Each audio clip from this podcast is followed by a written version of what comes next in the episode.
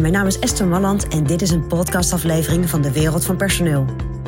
In mijn podcast deel ik graag mijn ideeën met je om op een slimme en simpele manier met je personeel om te gaan.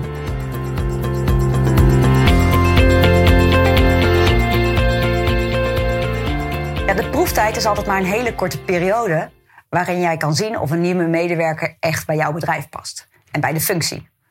En omgekeerd is het natuurlijk ook voor je medewerker uh, een korte periode om dat te bepalen. Nou, wat ik altijd adviseer is als er een nieuwe medewerker in een bedrijf komt, is om die nieuwe medewerker een proeftijdopdracht te geven. En nou klinkt dat heel zwaar, maar eigenlijk wat ik daarmee wil zeggen is: wat zou je willen zien binnen die proeftijdperiode op basis waarvan jij kunt beslissen of het echt een goede match is? En het grappige is dat als je zo'n opdracht geeft en of over zo'n opdracht nadenkt, dat het niet alleen is om te toetsen is het een goede match, maar dat je medewerker ook veel sneller ingewerkt raakt en veel sneller het gevoel heeft dat hij toegevoegde waarde gaat leveren. Nou, wat zou nou zo'n proeftijdopdracht kunnen zijn? Nou, stel je hebt iemand uh, op een administratieve afdeling, administratief medewerker. Geef zo iemand dan de opdracht om in de eerste drie weken goed in kaart te brengen welke administratieve processen er zijn. En met welke mensen ze binnen je bedrijf of buiten je bedrijf contact heeft.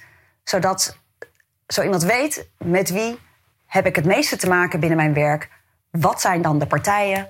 Waarom heb ik contact met die mensen? Wat zijn de belangen die daarmee te maken hebben?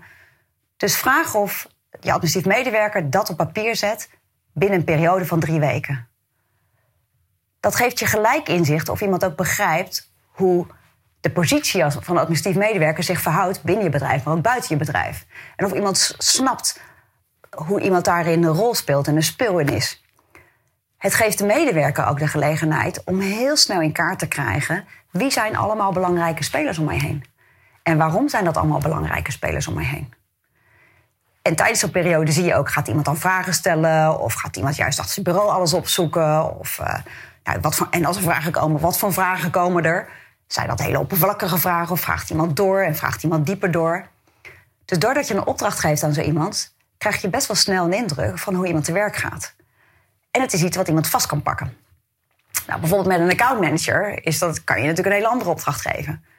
Kijk dan of je binnen drie weken in kaart kan laten brengen wat de belangrijkste klanten zijn.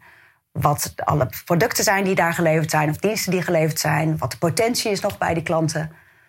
En zo kan je ook kijken of je zo iemand gefocust zeg maar, op, uh, op zijn werk zet. Nou, eigenlijk voor elke medewerker binnen je bedrijf is wel een proeftijdopdracht te verzinnen. Dus denk daarover na.